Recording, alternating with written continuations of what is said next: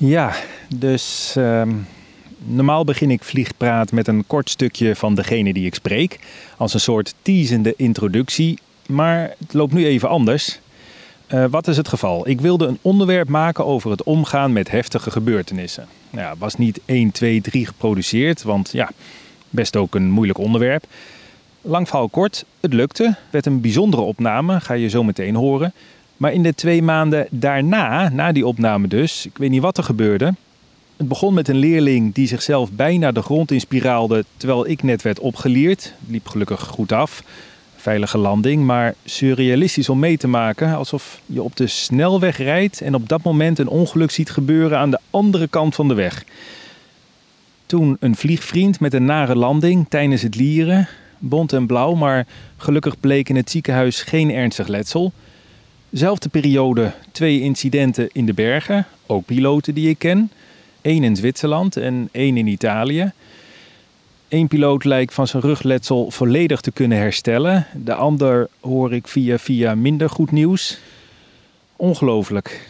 Ja, de mens is natuurlijk geen vogel en bijna altijd gaat het goed. Maar soms word je in deze sport wel erg hard afgestraft. Nou, deze aflevering van Vliegpraat na de val blijkt ineens actueler dan ik van tevoren had gedacht.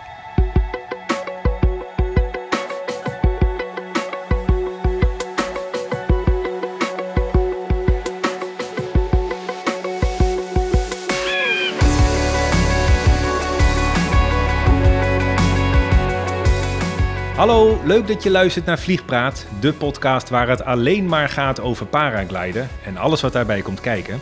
Vaak is dat vooral positief, leuk en ongelooflijk gaaf, maar soms zijn er ook minder prettige momenten. Ik ben Harro Brouwer en aan tafel zitten achter de microfoon twee gasten, Rob Favier en Is van Molnar.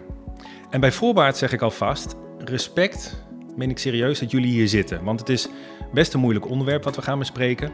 We gaan het namelijk hebben over het meemaken van een ongeval bij het paragliden, een heftige gebeurtenis.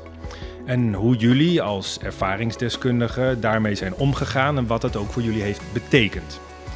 In de hoop dat jullie verhalen bijdragen aan bewustwording, meer veiligheid en hopelijk ook helpen in het verwerken van ja, nare en vervelende situaties.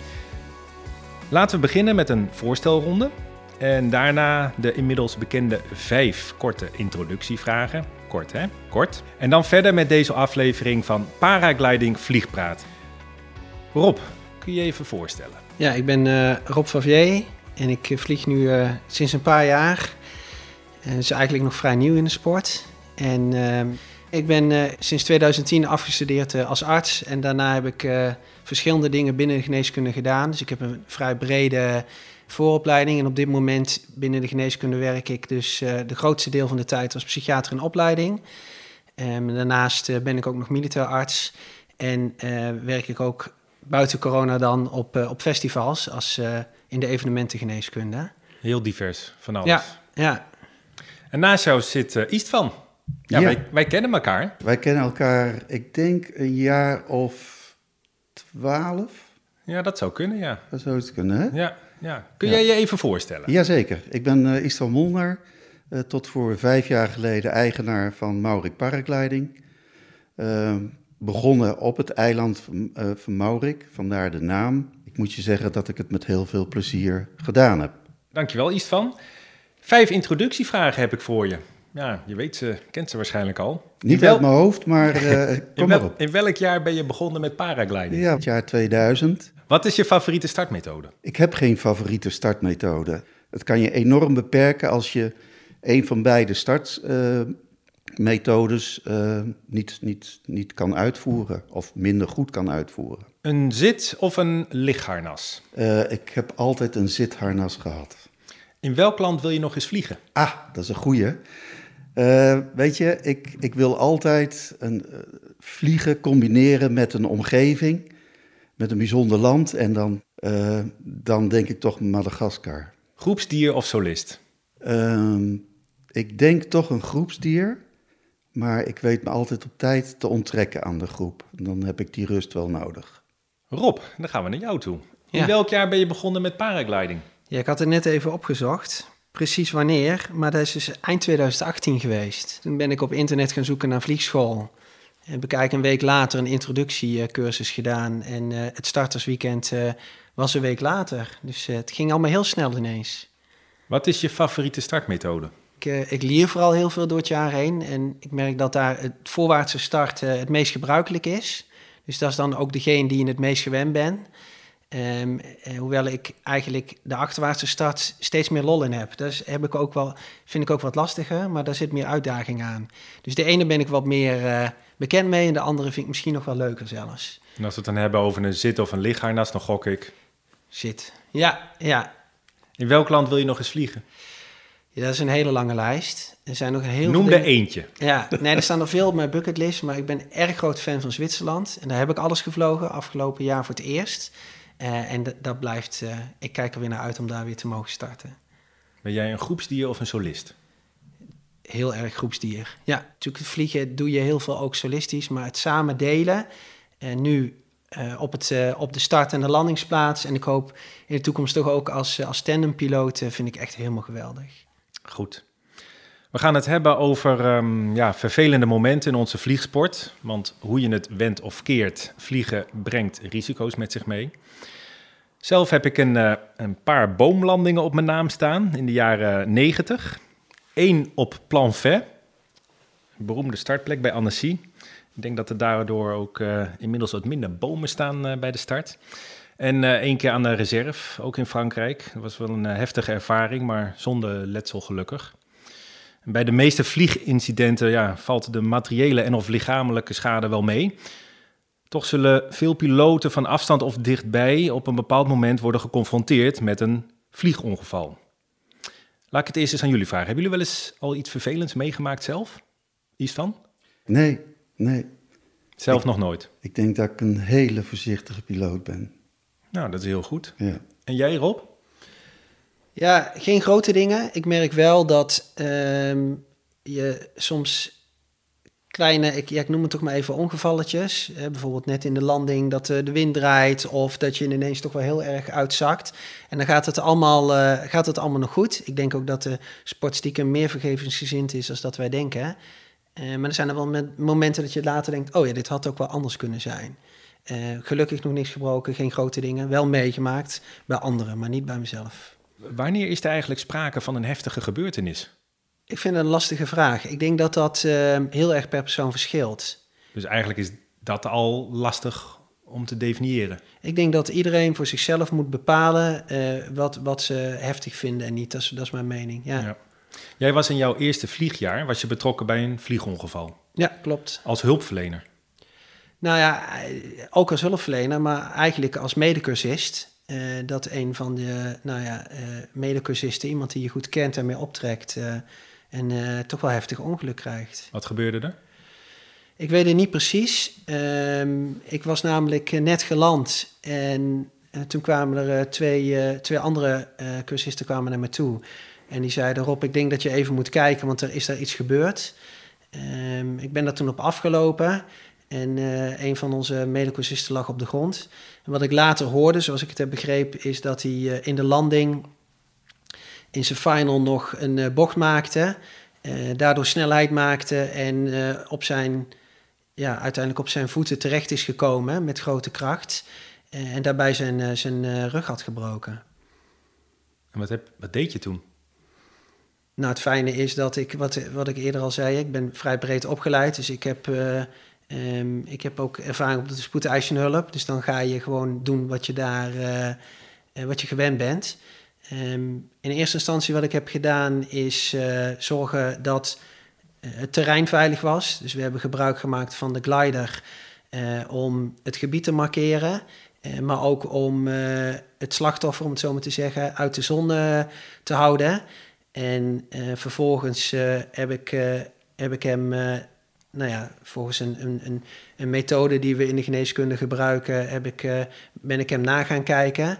En had ik al snel een idee wat er aan de hand was. Um, en hebben we de juiste hulp ingeschakeld. Vervolgens is een ambulance gekomen en ben ik met, uh, met hem mee uh, het ziekenhuis ingegaan. Want je blijft dan op zo'n moment, je bleef erbij de hele tijd? Ja. Hoe is het uiteindelijk afgelopen? Ik denk goed. Ja, uh, hij is geopereerd en uiteindelijk naar Nederland gegaan. En ik, uh, het is iemand die niet ook op het leerterrein vliegt. Dus ik heb een tijdje geleden nog gebeld. En wat ik begreep was hij goed aan het revalideren. En, ehm, Geen blijvend letsel. Ja, is altijd de vraag. Hè? Ik denk wel dat je zo'n zo'n gebroken rug zal je altijd wel iets aan over hebben, maar hij loopt gewoon weer, kan gewoon zijn dingen weer doen, voor zover ik begreep. Ja. Uh, en blijvend letsel is niet alleen lichamelijk, maar ik denk dat het geestelijk ook wel wat met je doet. Het is, je draagt dat wel met je mee, zo'n ongeval. Ja. En de omgeving ook. Daar gaan we het zeker deze aflevering verder over hebben.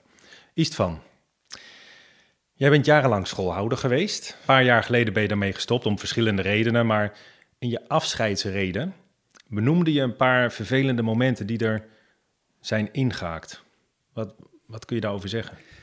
Uh, ja, dat, dat was wel duidelijk uh, dat ik daar nog steeds mee zat en eigenlijk nog steeds mee zit. Uh, twaalf jaar vliegschool-eigenaar, fantastische, leuke avonturen, maar dan ook net zulke incidenten meemaken.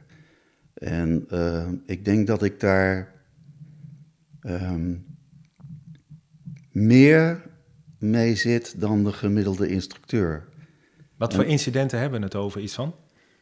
Ehm, het eerste incident wat ik meemaakte tijdens mijn uh, vliegschooljaren was, uh, dat speelde zich aan de andere kant van de berg af.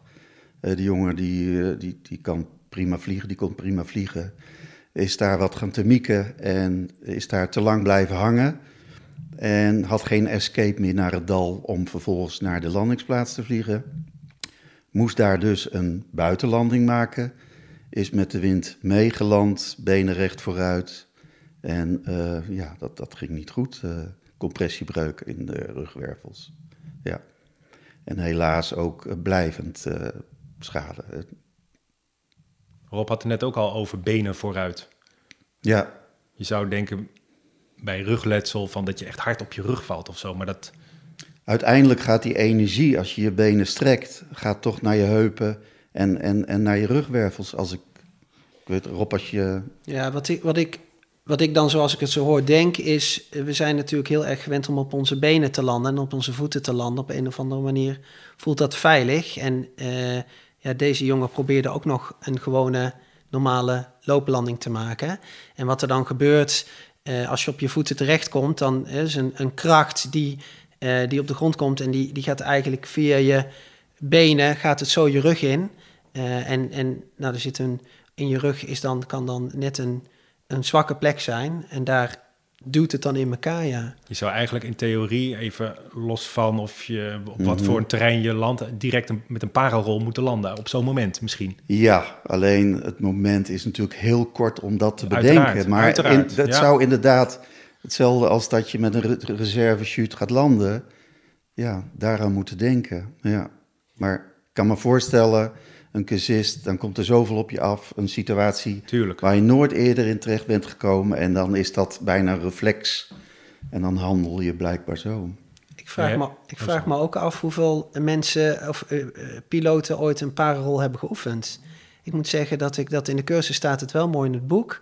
Maar het is niet iets wat we veel oefenen. Dus ik kan me ook voorstellen dat het niet zeg maar in je repertoire zit om uh, op zo'n moment uh, te doen. Nou, bij deze aangestipt, dit punt. De ja, oefenen. Ja, iets van, dit was niet het enige incident waar je last van hebt gehad. Ja. ja, want wat ik net al zei, dit is iets wat, wat buiten mijn gezichtsveld is gebeurd. En in het andere geval ehm, waren we bezig met, met een, ja, die, die taak voor brevet 2 is inmiddels geschrapt. Het vliegen met je uh, achterste reizers. Uh, kan een voorval zijn dat je remleiding, uh, op, uh, remlijn uh, breekt. En dan is het handig dat je weet, oké, niks aan de hand. Ik ga op mijn achterste reizers vliegen. En dat ging eigenlijk de hele, de hele vlucht oké. Okay. Die, die kus, is prima uitgevoerd. Alleen bij de landing merkte ik op dat hij te vroeg naar de final kwam. Hij zat nog te hoog. Dus ik adviseerde om 180 graden als ik me goed herinner, rechtsom. Dat ging ook nog goed. En um, dus hij vloog weer terug naar zijn naar cross. En toen was het, het leek alsof hij tegen een glazen plaat aanvloog. Want ineens stopte het scherm met vliegen en verticaal uh, kwam hij naar beneden. Ik denk van een meter of twintig. En toen hij terecht kwam, toen, ja, ik wist eigenlijk wel gelijk de manier waarop hij terecht kwam. Hoe dat lichaam uh, reageerde daarop, uh, dat het fout was. Ja.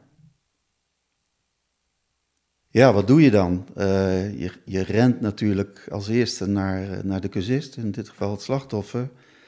En uh, ja, weet je, je krijgt er gewoon nog kippenvel van, want je ziet gewoon dat zo iemand zo geschrokken is. Maar die iemand, die cursist, die wist ook gewoon gelijk, dit is fout. Want blijkbaar voelde hij gelijk dat nou ja, niet voelde, wat, wat zich hè, in zijn benen en, en zo afspeelde. En uh, zijn vrouw uh, was, is uh, verpleegkundige, dus die, had, die was daarbij bij dat voorval. Dus die had het ook heel, heel gauw in de gaten. Ja, dan ga je op een soort automatische piloot. Ik, ik weet van het moment nadat ik naar hem toe ben gerend, nou, die, die vijf of die tien minuten daarna, daar weet ik niet veel meer van. Je gaat in een automatisch piloot, je gaat hem geruststellen, je zorgt dat hij niet beweegt. Uh, ja, uh, hulpdiensten, jongens, uh, je, je, je, roept naar iemand hulpdiensten, maar dat hadden ze daar ook al heel snel in de gaten. En in Oostenrijk doen ze dat heel goed, want ze zijn er ook altijd heel erg snel. En dan, dan, dan gaat die molen draaien en ja, dan, dan komen de hulpdiensten en dan...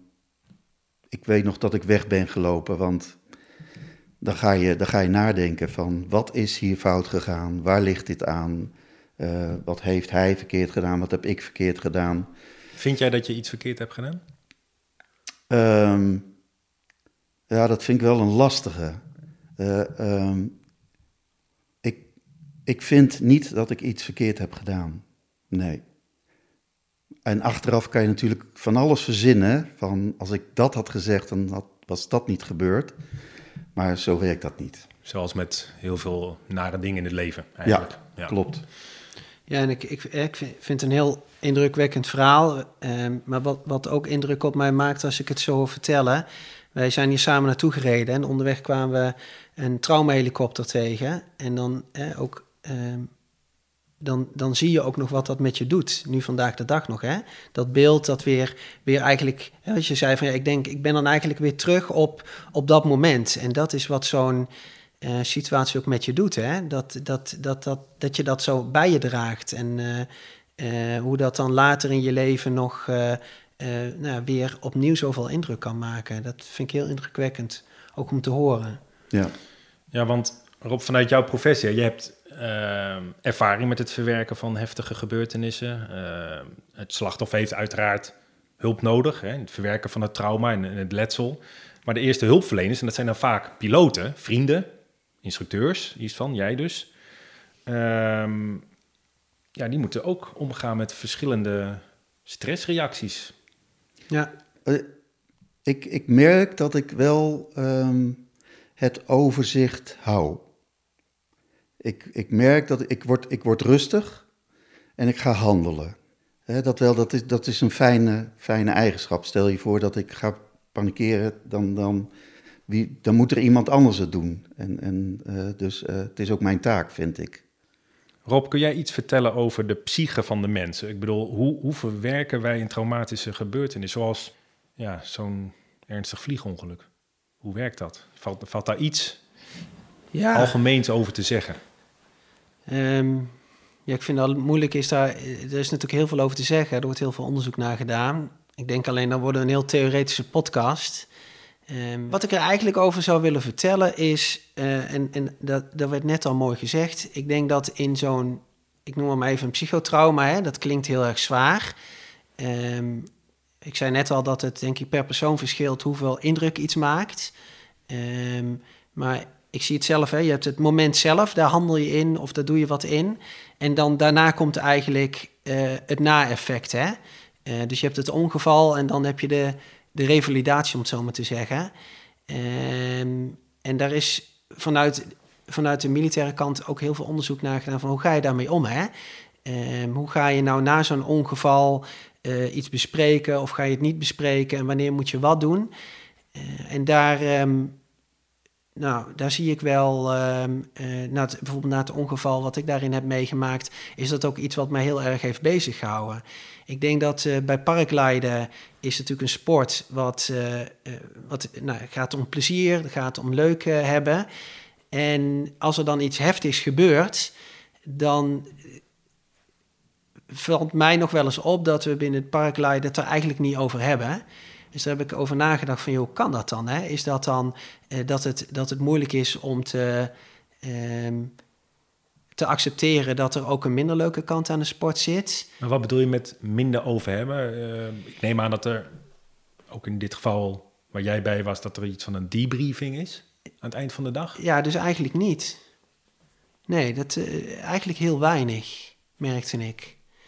En, ehm, en dat zie ik toch wel vaker. We hebben in, in de, um, de XL's hè, van 2021 zijn best wel een paar heftige ongelukken gebeurd. En als je dan kijkt op de officiële kanalen, dan zie je dat daar heel weinig van komt. Dus op een of andere manier is er soms de neiging om die nare kant van het vliegen, om die een beetje buiten beeld uh, te houden. En ik vraag me af, hè, is dat, uh, heeft dat te maken met um, Ehm, nou ja, dat sport vooral leuk moet zijn en dat je het er dan niet over hebt. Het is ook een manier van, van omgaan hè, met stress en met angst. Er zijn allemaal manieren waarop mensen met angst omgaan. Nou, humor is daar eentje van.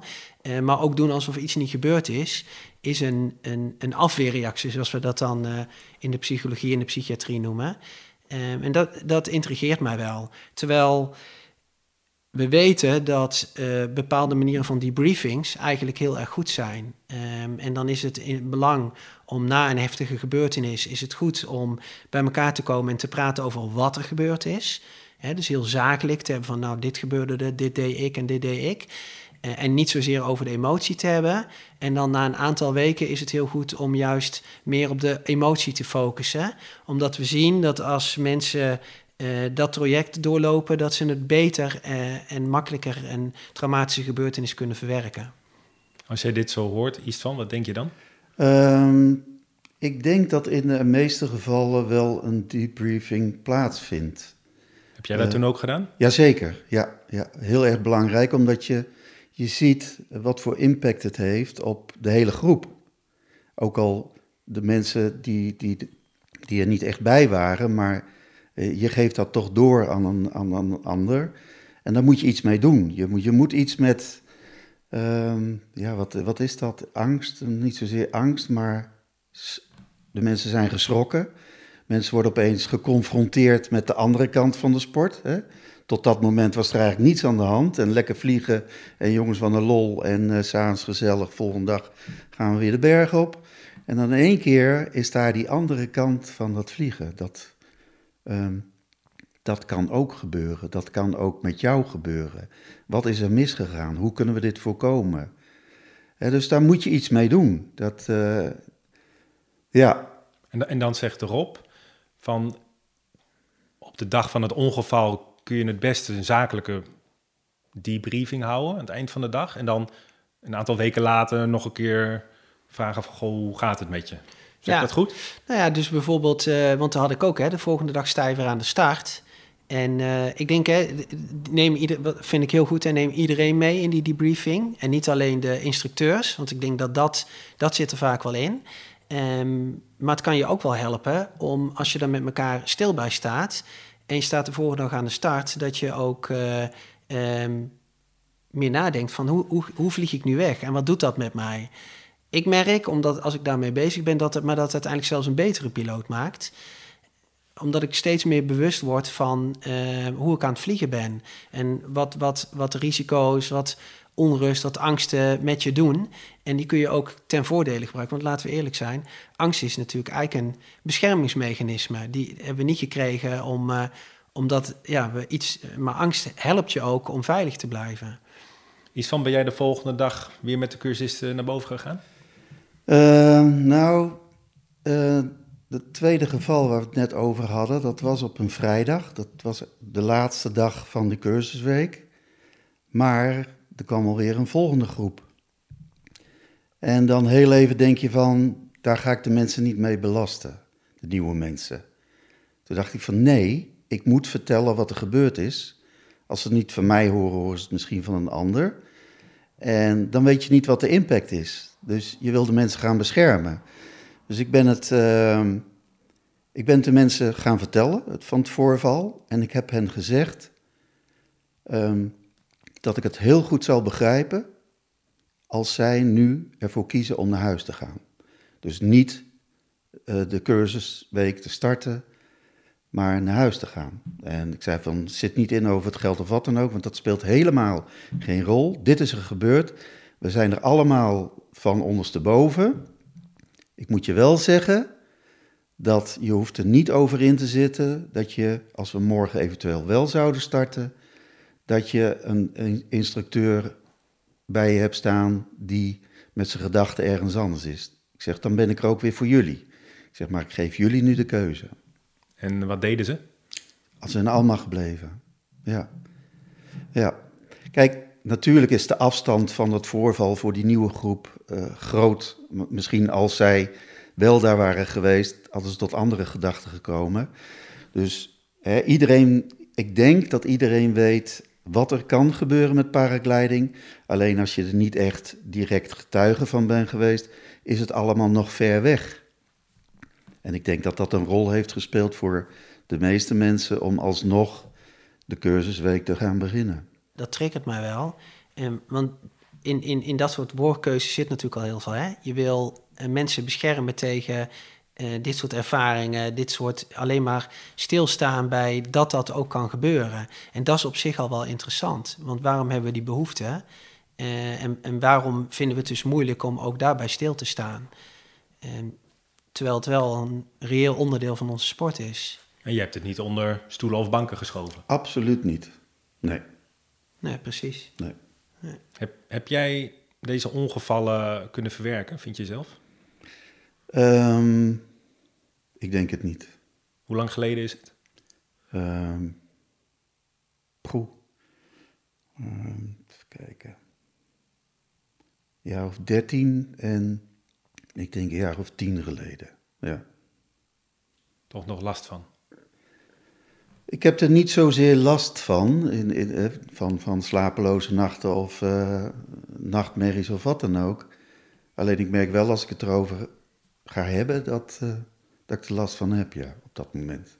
Je ziet de emotie nog ja. duidelijk, hè, als je het ja. erover hebt. Ja. Is ook niet vreemd, toch? Ik bedoel, toen ik aan een reserve in 19, wat was het, 97, uh, praktisch op een rotsplaat belandde, uh, daar denk ik ook nog regelmatig aan terug. Uh, ik bedoel, ik was verder oké, maar ik hing daar wel in een boom 10 meter boven de grond. En dat was niet de bedoeling natuurlijk om zo te landen. Dus ik snap heel erg in zo'n geval dat je, ja... Ja, en toch, toch ga ik aan mezelf twijfelen, want ik vraag me af of de gemiddelde instructeur um, net zoveel, zo'n voorval net zoveel impact zou hebben bij diegene, bij een instructeur. Nou ja, wat... Het is toch niet erg, Rob, om nog nee. jaren later gewoon... Dat dit in je hoofd, dat is, dat is toch... Ja, ik vind dat... Ik, ik, ook dat is een, een vraag die mij natuurlijk uh, raakt ook in, in mijn werk als... Nou ja, binnen de psychiatrie. Ik denk dat het heel erg te begrijpen is dat het zo, zo raakt. Um, alleen, ik weet natuurlijk vanuit mijn vakgebied dat, als, dat er ook gewoon wel um, therapieën en hulpmiddelen zijn om dat, die, dat, dat, die nare gebeurtenis wat meer te verwerken, zodat, uh, zodat je dat niet meer zo hoeft te emotioneren. Dus ik merk dat ik het, uh, als ik iemand, hè, zoals nu jou zie hoe je dat raakt, dan denk ik, och, ik gun het je ook dat je er op een andere manier met minder emotie op terug kan kijken. Weet je, ik vind het, hoe ik reageer erop, wat ik nog steeds bij me draag, dat valt helemaal in het niet bij degene die nu levenslang veroordeeld is. Dus. Uh, maar ze hebben jou dit niet persoonlijk kwalijk genomen, toch? Nee, nee. En dat, het, en dat is al heel erg fijn. Uiteraard. Ik kan me voorstellen dat mensen het je ook heel moeilijk kunnen maken. Rechtszaken. Die altijd naar jou wijzen van ja, maar jij en Hè, dat, dat, dat, dat, gelukkig is dat niet gebeurd. En dat is, een, dat is wel een schrale troost. En ik weet nog goed het moment dat ik over het veld liep, een beetje dwalend naar het incident. Dat de lokale vliegschoolhouder in Oostenrijk, in Oostenrijk, die kwam naar me toe en die gooide zijn arm om me heen en zegt: Istvan, dat gehoord daarbij. Zo van, joh, weet je, uh, dat is nou eenmaal een onderdeel van. En, en mensen kiezen er zelf voor hè, om, om deel te nemen aan zo'n sport, om zoiets te leren. Uh, hij zegt, ik ken jou, je bent volgens mij een van de meest veilige instructeurs. Jij, als het maar even onrustig wordt in de lucht, dan hè, soms denk ik wel eens van, oh dat is iets te snel, maar het is wel altijd aan de veilige kant. Hij zegt dus, ja. Hij zo zegt, ken ik jou ook. Ja. Zo, ja, hij zegt, ik snap dat je, dat je het er moeilijk mee hebt, maar ja. ja en dat siertje, maar dat, um, ja, dit is dan zeg maar hè, de, uh, degene die zijn rug heeft gebroken, die heeft dat, uh, nou, draagt dat altijd met zich mee. En zo zie je bij jou dus ook heel indrukwekkend dat jij hebt je litteken op je ziel zitten, zeg maar. En, en draagt dat op dit soort momenten ook nog heel erg met je mee. En um, ik merk vanuit mijn vakgebied uh, dat zodra het gaat om nou, meer de psychische kant, hè, dat we het ook moeilijker vinden om dat te accepteren of ook om daaraan te werken. En dat is wat, wat ik hierin zie. Dat ik denk van ja, aan de ene kant zeg je heel mooi van ik kon er niks aan doen, maar ik hoor ook nog wel die twijfel, heb ik het goed gedaan, maar neem ik het mezelf niet kwalijk. ik zie dat je daarbij emotioneel wordt. En, en dat, dat is eigenlijk toch nog wel heftig, na zoveel jaar, dat dat je nog zoveel raakt. Um, en ik pleit er een beetje voor dat er ook bewustwording komt binnen, binnen onze wereld. Uh, dat, dat, dat dat bestaat, dat dat er mag zijn. maar ook dat je dat mag verwerken. dat die emotie ook ervan af mag. Um, en dat je daar niet de situatie mee tekort doet. Nee, maar dat is ook een van de redenen geweest dat ik deelneem aan deze podcast. Dat wilde ik net vragen, ja. Precies. En dat, dat is heel mooi dat je het kunt delen. En ik hoop met zoveel mogelijk mensen. Uh, kijk, zo'n voorval, dat, dat vormt je wel. En, en, uh, maar je, wil verder. Je wil verder met nieuwe mensen. Die wil je ook dit, deze mooie sport, hobby, uh, leren.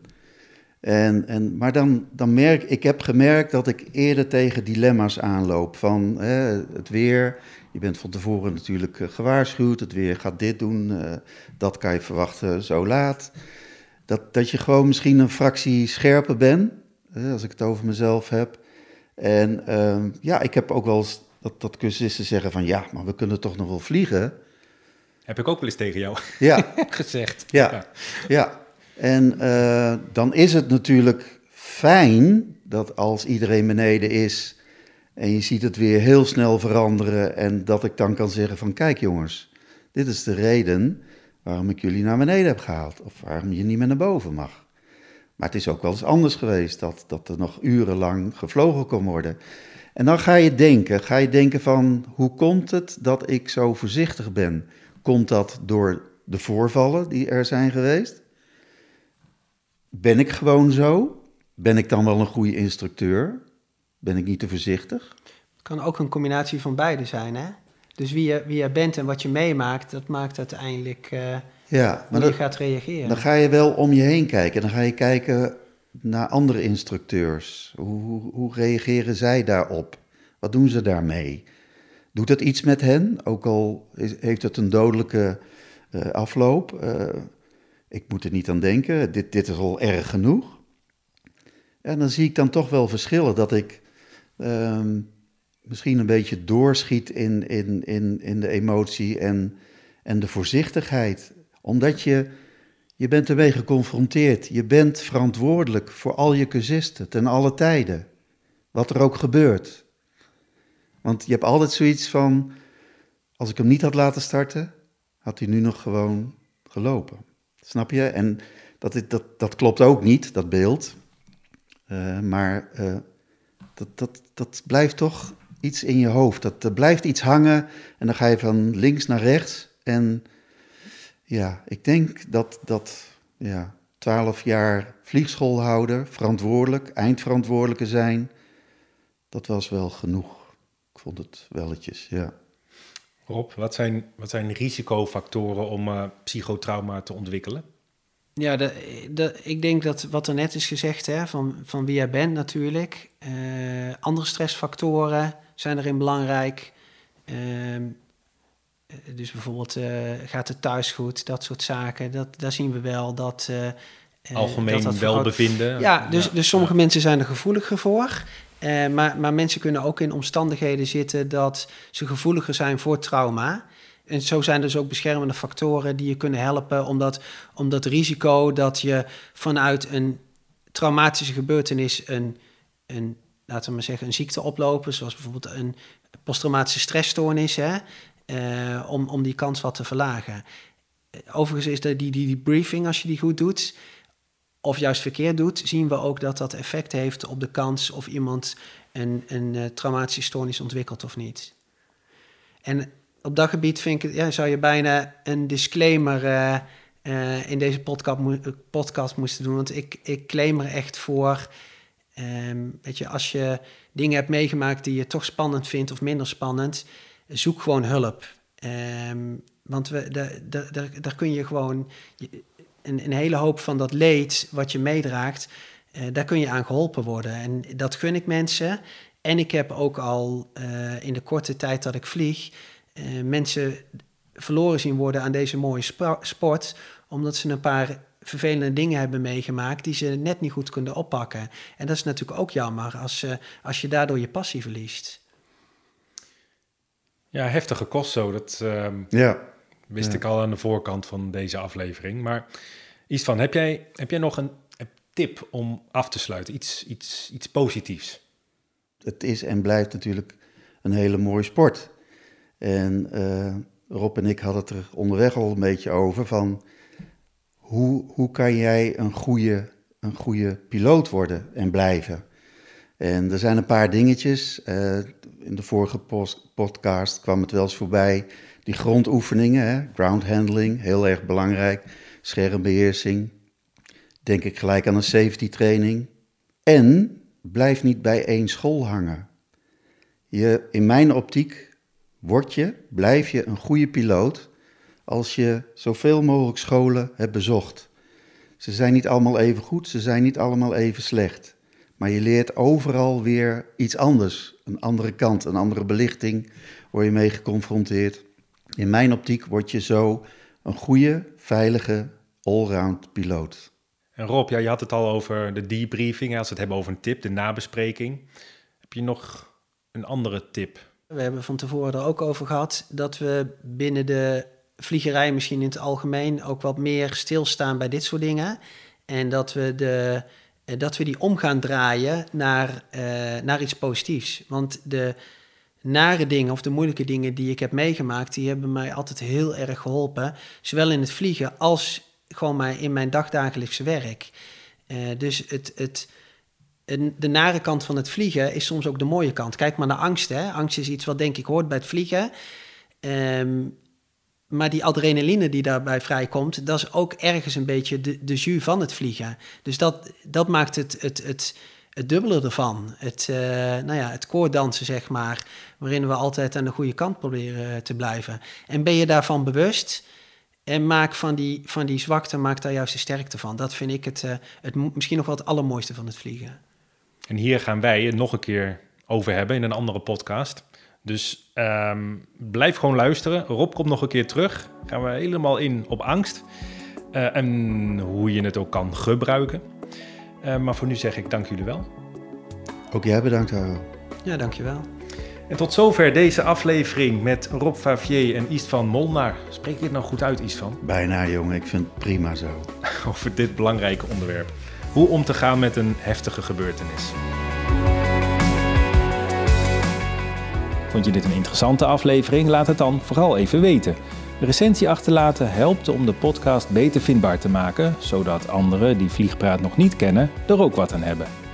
Ik hoop dat je een donatie wilt doen om Vliegpraat in de lucht te houden. Ik maak de podcast vrijwillig, maar dat kost een hoop tijd en moeite.